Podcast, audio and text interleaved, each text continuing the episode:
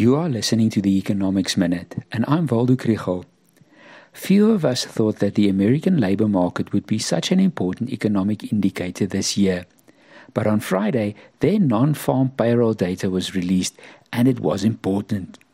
In September, 263,000 new jobs were created, and the unemployment rate decreased from 3.7 to 3.5%.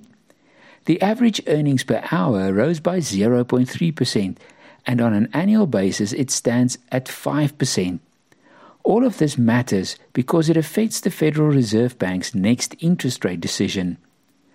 There are several reasons why their labor market remains resilient despite rising interest rates.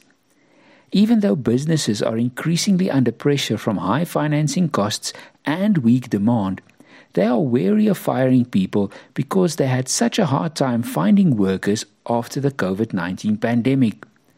The number of vacancies stands at 10.1 million.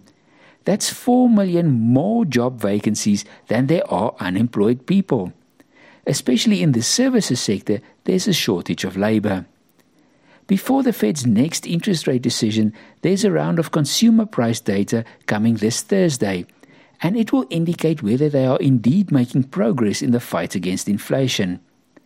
Unfortunately, the good labor market data means that there is a significant chance of another interest rate increase. This causes volatility in stock markets, and the strong dollar puts emerging market currencies under pressure. Stay tuned this week for more on August's production and sales data from the manufacturing sector and mining in South Africa.